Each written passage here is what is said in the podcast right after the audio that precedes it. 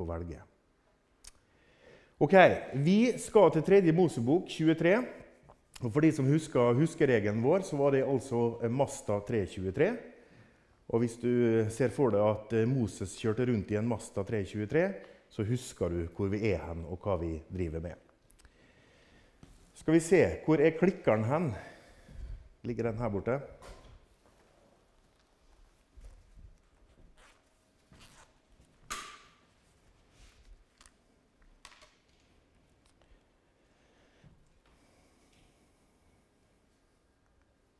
Funka òg.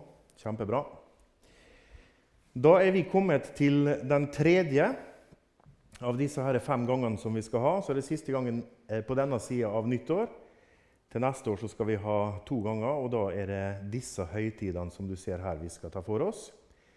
I dag er det altså førstegrødens dag.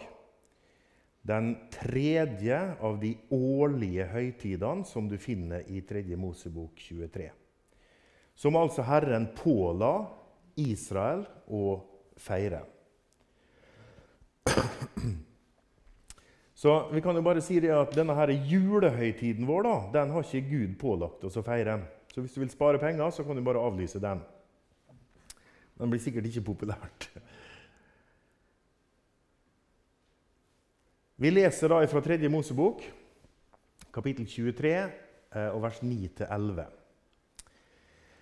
Herren talte til Moses og sa, Tal til Israels barn og si til dem:" Når dere kommer inn i det landet jeg vil gi dere, og dere høster landets grøde, da skal dere komme til presten med det første kornbåndet av deres høst.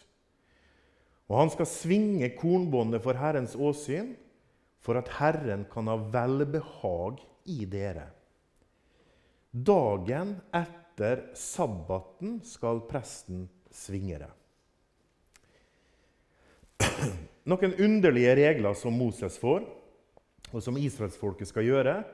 Når de altså han, eh, høsta inn den første kornbåndet, første grøden, så skulle de altså gå inn for Herrens åsyn, og så skulle de vifte med det, svinge med dette her kornbåndet. Ja vel, Gud. mange rare ting Gud gjør. Eh, og det er fortsatt veldig mange rare ting som er uforståelig for meg, også når jeg leser og gjør meg kjent med Gud. Det er mange ting som er uforståelig. Og Her var sikkert en av de tingene som israelsfolket og Moses lurte på. Hvorfor i all verden skal vi ta dette her kornbåndet, og hvorfor skal vi stå her inne og veive med dette her kornbåndet? Og da skal Gud ha velbehag i oss. Kjempegreier, og så går vi ut igjen. Underlig. Men så er det altså noe Gud vil med alle disse her ting. Alle detaljer i Det gamle testamentet. Og igjen, det krever jo tid. Men noen ting har Gud gitt oss et hint om gjennom Paulus. Og det har han gjort her. Nå er Kristus reist opp fra de døde og blitt førstegrøden av dem som er sovnet inn. Så Paulus gir oss et hint om at Kristus er blitt førstegrøden. Og igjen For en som leser Det nye testamentet, og som ikke kjenner Det gamle testamentet, så blir dette her litt rart igjen. Jesus er førstegrøden. I alle dager, Hva har nå han med et kornbånd tidlig på våren å gjøre? Ikke veit det, men det står her at han er førstegrøden. Men sånne tips får du gjennom Bibelen, og så får du hint. Og så når du leser sammenhengen, så ser du jo at denne boka er ei bok som henger i hop. Den er skrevet av 40 personer over 1500 år. Men det er én forfatter, det er én skribent som står bak alt. Derfor henger det sammen. Så det er Den hellige ånd. Han har nedskrevet alt til oss. Kristus er altså reist opp. Så her får vi egentlig servert poenget med førstegrøden. I det verset vi leste, så leste du det at Hvis du går tilbake igjen, så skal du få se at dagen etter sabbaten skal presten svinge det. Hvilken dag er det? Jo, det er første dagen i uka. det. Det er søndagen, det, at dette kornbåndet skal svinges. Bestemte Herren i 3. Mosebok, kapittel 23. 1500 år før Jesus. Et hint? Absolutt. Han ble reist opp fra de døde og er blitt førstegrøden av dem som har sovnet inn. Jeg nevnte vel så vidt eh, sist gang eller gangen før om det som står i første Mosebok, kapittel 8. Og Der står det altså en dato. Den sjuende måneden, på den syttende dagen i måneden, da ble arken stående på Araratfjellene. Jaha. Så, du kan jo lese kapittel etter kapittel, hendelse etter hendelse i Bibelen. Og så plutselig så står det en dato. I alle dager, hvorfor sier Gud datoen på enkelte ting? Plutselig så kommer han med en dato i Bibelen. Den 17. dagen. Den 17. Abib er egentlig dette her. I den sjuende måneden. Jaha. Men vi lærte jo sist gang at eh, Jesus han døde jo i måneden Nisan. Den 14. Nisan. Har dette her noe å gjøre med det som vi snakker om i dag? Ja, det har det. Skal vi se Må vi få tilbake manuset mitt.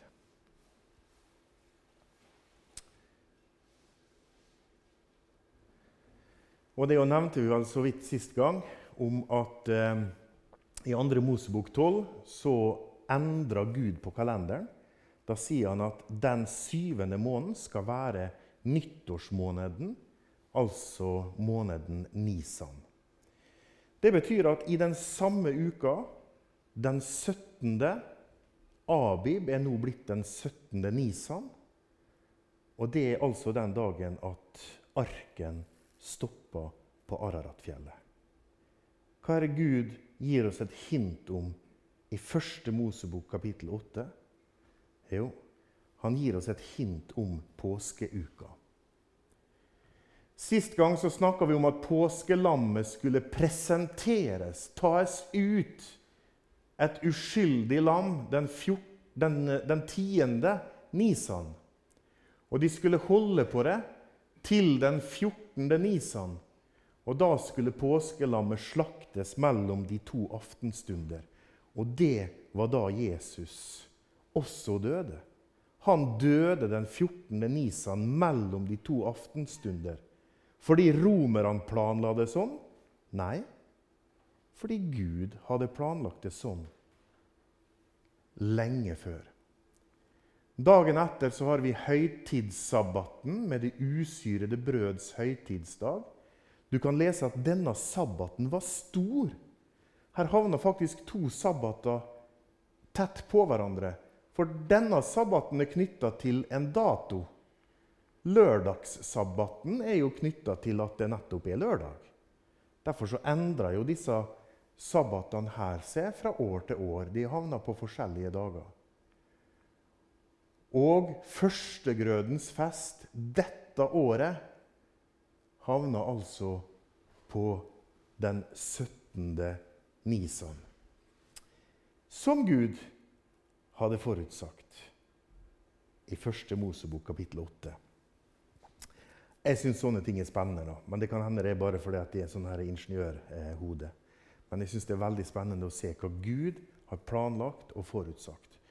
Og så Det fine med dette her er at det lar seg undersøke, det lar seg sjekke, det lar seg grave ned i for å se om er dette her sant og det må du jo alltid gjøre når du hører på en eller annen predikant. Så må du jo ikke tro på det han sier, før du har gått hjem og sjekka i boka om det faktisk er sant. Det må du jo alltid huske å gjøre. Han som ble gitt for våre overtredelser og reist opp til vår rettferdiggjørelse. Er ikke Kristus reist opp? Da har dere en unyttig tro, og dere er ennå i deres synder. Førstegrøden handler altså om at Jesus han er stått opp. Han er reist opp for oss, og han er blitt førstegrøden. Hva er, hva er førstegrøden? Hva er dette her kornet et bilde på? Jo, når Israel tok med seg dette kornbåndet inn, så viste de jo frem at i år så er kvaliteten slik som dette her. I år har det vært mye regn eller mye sol, eller det har vært gode vekstforhold. I alle fall her er årets kvalitet. Det er et prøveeksemplar på kvaliteten til hele innhøstningen. Her er førstegrøden. Altså, Er førstegrøden dårlig, så gir det et signal om resten av høsten. Er førstegrøden god, så gir det et signal om hvordan resten av høsten vil bli. Kristus er førstegrøden. Og Paulus han sier det altså sånn at hvis ikke Kristus er reist opp, så har vi ei unyttig tro. Hvis ikke du kan tro på oppstandelsen, ja, da er det bare å pakke sammen og gå hjem. Da, da kan vi bare slutte å holde på med det her kristendomsgreiene. Det er fullstendig unyttig. Så viktig er det at Jesus er stått opp fra de døde. Og for meg som tror at det er en Gud som har skapt alle ting, så er det ikke vanskelig i det hele tatt å tro at han reiste Jesus opp fra døden. Altså Han som har skapt livet og skapt alt. Altså Hvis han ikke greide å, å regjere over liv og død som han har skapt, ja, da var det en pjaske til Gud. Men heldigvis, det har han. Og så har jeg tatt med noen vers her, bare for å presisere at Gud er fornøyd med det som Jesus har gjort. Og det beviser Gud med å reise Jesus opp fra de døde. Og Her har jeg altså highlighta det, det, som er poenget, at det var Gud som reiste han opp. Denne Jesus reiste Gud opp. Han som Gud reiste opp fra de døde. Så den evige Fader, Gud i himmelen, han er fornøyd med det Jesus har gjort på Golgata, og han reiser han opp ifra døden. Og det er beviset for det og meg at det er nok, det som Jesus gjorde. Det er fullkomment. Og at synda vår er betalt.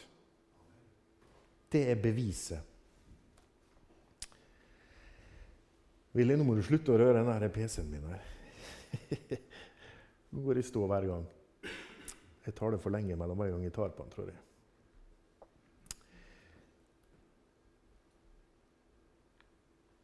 Og så kommer det et flott vers. Men er førstegrøden hellig?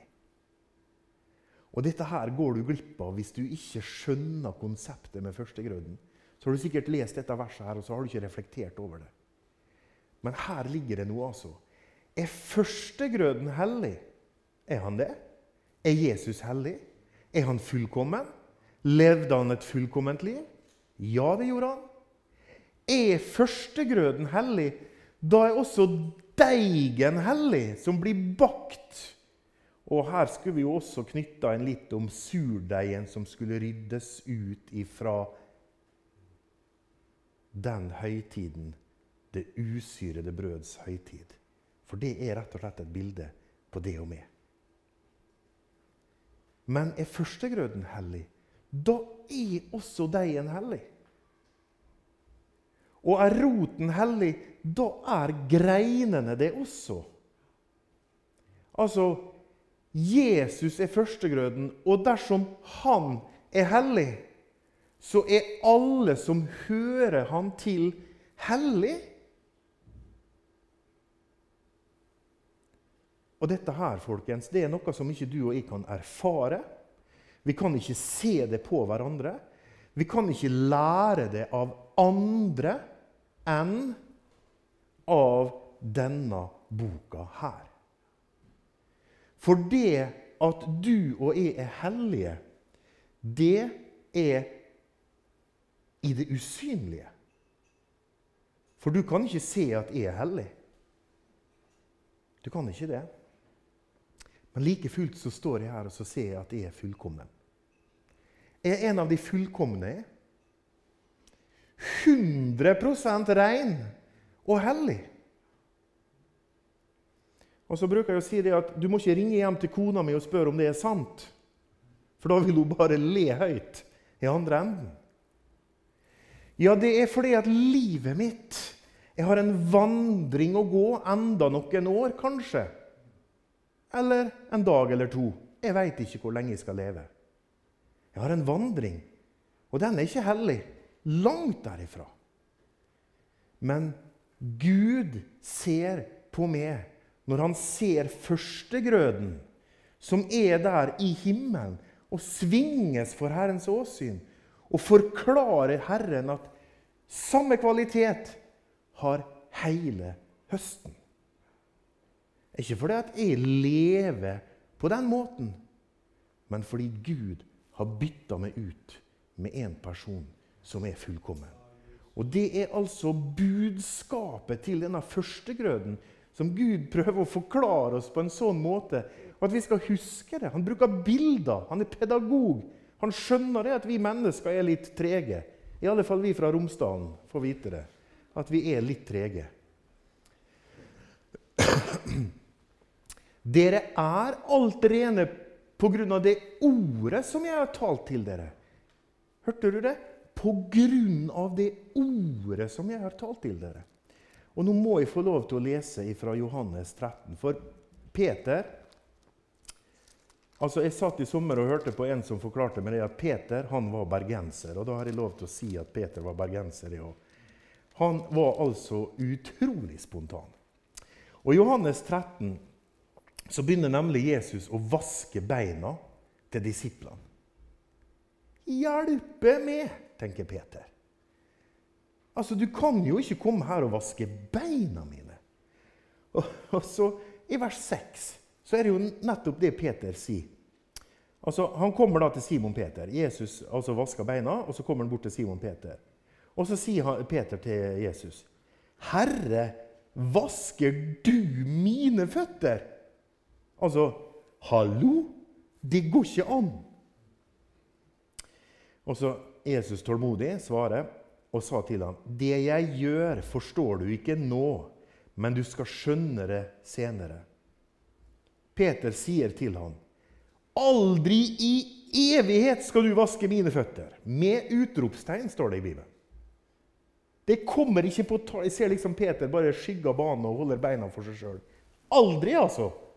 Det kommer ikke på tale, Jesus. Og så svarer Jesus sånn, tålmodig igjen. Dersom jeg ikke vasker deg, har du ingen del med meg. What? Hør hva Peter sier da. Herre, ikke bare vask føttene, men vask hendene og hodet. Altså, Da er han plutselig der, da. For han fikk høre det at nei, hvis du ikke vasker beina dine, Peter, så har jeg ingen del med meg. Oi, da må du vaske alt. OK, kjør på. Ikke bare føtter, men hendene og hodet. Men så sier Jesus, 'Den som er badet, trenger ikke å vaske annet enn føttene.' Han er jo helt ren. Altså Visste Jesus hvem som hadde dusja om morgenen, liksom? Var det det han snakka om her? Visste han hvem som hadde bada? Nei, han snakka nemlig om noe annet. Også dere er rene, sier han til disiplene sine. Men ikke alle. For han visste hvem som skulle forråde ham. Så han snakker om en annen renhet. Han snakker altså om at dere er allerede rein, sier han. På grunn av det ordet som han hadde talt, så var de rein. Men de hadde bruk for å vaske føttene sine. Jeg syns det er et utrolig flott bilde på det vi har i Kristus Jesus, og så den vandringen som vi er ute på her i denne verden. For da har vi behov for å vaske beina våre. Og da mener jeg å be noen om tilgivelse. Å rydde opp i synd i livet vårt. Og få skikk og orden på ting som gjør at vi kan være til behag for Gud. Ja, Da har vi behov for denne her beinvasken.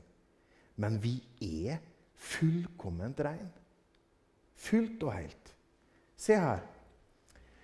Sånn begynner Paulus de forskjellige breva sine.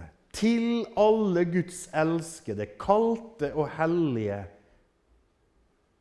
var det noe spesielt med de som var i Roma? Var de, altså, var de skikkelig fromme, liksom? At de der var han flotte, altså, sånn at han kunne skrive hellige til dem? Hva med Efesus, da? Til de hellige i Efesus? Var det liksom bare eh, en tredjedel av menigheten det da, i Efesus liksom, som var det Her har vi de hellige. Nei, de som tror på Kristus Jesus. Til alle de hellige i Kristus Jesus som er i Filippi. Til de hellige og troende brødrene i Kristus i Kolosseum. Altså å være hellig 100% handler utelukkende om at Jesus Kristus har gjort alt, og han står i himmelen for vår skyld. Og Derfor så står det også sånn videre i det verset som vi leste i sted. Nå er Kristus reist opp fra de døde og er blitt førstegrøden av dem som har sovnet inn. For ettersom døden kom ved ett menneske, så er også de dødes oppstandelse kommet ved ett menneske. Så enormt er handlingen, altså er betydningen av handlingen til Jesus. Fordi alle dør i Adam. Og slik blir alle gjort levende i Kristus. Hver i sin egen avdeling. Kristus er førstegrøden, og deretter skal de som hører Kristus til, bli gjort levende ved hans komme. Det er sånn høsten fungerer. Det er hver i sin avdeling. Førstegrøden, første andreslåtten andre slåtten og tredje slåtten har jeg vært med på. Kjørte traktor i siloen og tråkka silofor. Det er i hver sin avdeling. Gud gir oss bilde her på hvordan han har planlagt frelsen og innhøstningen. Og så kraftig er frelsen i Jesus. Altså døden kom ved Adam til alle mennesker. Og frelsen i Kristus er tilgjengelig alle mennesker. Med en voldsom kraft, altså, så er han for alle. Og så sier han at vi skal være en førstegrøde av hans skapninger. Altså vi som hører han til, vi er blitt den første innhøstningen til hans rike. Vi er født ved sannhetsord. Salig og hellig er den som har del i den første oppstandelsen. Over dem har den annen død ingen makt. De skal være Guds og Kristi prester og regjere med ham i tusen år. Og Det er altså alle vi som hører han til. Vi har del i den første oppstandelse. For du skjønner det at alle mennesker skal oppstå. Alle mennesker skal oppstå. Men noen skal oppstå til dom, og da er det for seint. Noen har del i den første oppstandelse. Og det har vi bare en begrensa tid på å avgjøre for vår egen del. Og det er så lenge vi er i live. Det har Gud bestemt. Han har planlagt det sånn. Du må ta din avgjørelse hva du vil være med på. Vil du stå for Guds ansikt med ditt eget liv og presentere 'Se her, Gud, hva jeg har fått til', så er du fri til å gjøre det. Men du skal vite hva utfallet blir. Det blir en andre oppstandelse, og det blir en oppstandelse til en evig dom. Vi har bare dette livet å bestemme oss på. Det er sånn Gud har ordna det. Og vi kan godt være uenige og stemme imot, men du skjønner, det spiller ingen rolle. Det Gud har bestemt, det blir sånn. Om alle stemmer imot. Og det siste dersom det altså ikke er noen oppstandelse fra de døde, da er heller ikke Kristus reist opp. Jeg tror nesten jeg ville ha sagt det omvendt. det. Altså, Paulus sier at dersom det ikke er noen oppstandelse fra de døde, da er heller ikke Kristus reist opp. Jeg hadde kanskje heller ville sagt det sånn at dersom ikke Kristus er stått opp, da er det ingen oppstandelse heller. Men han, han snur det liksom opp ned, og så knytter han dette her så tett til hverandre at du skal vite det, at hele frelsen, hele oppstandelsen, hele det evige livet, alt du tror på, det er knytta til den store hendelsen at Gud reiste Jesus opp fra de døde og plasserte han i himmelen som førstegrøden. Se her er kvaliteten. Nå er Kristus reist opp fra de døde, og han er blitt førstegrøden av dem som er sovnet inn. Jeg vet at dette er sant. Ikke bare fordi det står i denne boka, men fordi at jeg snakker med han. Fordi jeg kjenner han. Jeg veit at dette er sant. Og Hvis du har tenkt å overbevise om noe annet, så har du en grusom jobb. Du greier det rett og slett ikke. Denne boka og livet sammen med Jesus har altså fullstendig overbevist meg. Det er en umulighet at mennesker på egen hånd kunne ha produsert denne boka. Og det kan bevises hvis man orker og gidder å finne ut av det. Og hvis man ønsker å altså ta sjansen på evigheten uten å bruke tid på å finne ut av det, ja, da tar du en stor risiko. Jeg er i hvert fall overbevist. Og jeg er helt overbevist om at Jesus han lever. Og jeg kjenner han, og jeg snakker med han, for jeg har gitt mitt liv til han. Og Det er det eneste svaret jeg har på spørsmålet om hvorfor dette livet. Hvorfor er verden slik han er? Jeg finner det her. Kjære Far i himmelen, jeg har lyst til å takke deg for at din bok den henger i sammen fra ende til annen. Jeg har lyst til å takke deg for at du har undervist om førstegrøden, og du ba Israel om å, om å feire førstegrøden på den 17. nisan, den første dagen etter sabbaten. Hvorfor det? Jo, fordi på denne dagen hadde du planer om å reise din egen sønn opp fra de døde. Og det gjorde du. Og så beviste du at det Jesus har gjort, det var nok. Takk, Gud, for at det er nok, det som han har gjort. Takk, Gud, for at du, Jesus, du er førstegrøden. Og den kvalitet som du har, det er den samme kvalitet som vi hele høsten har.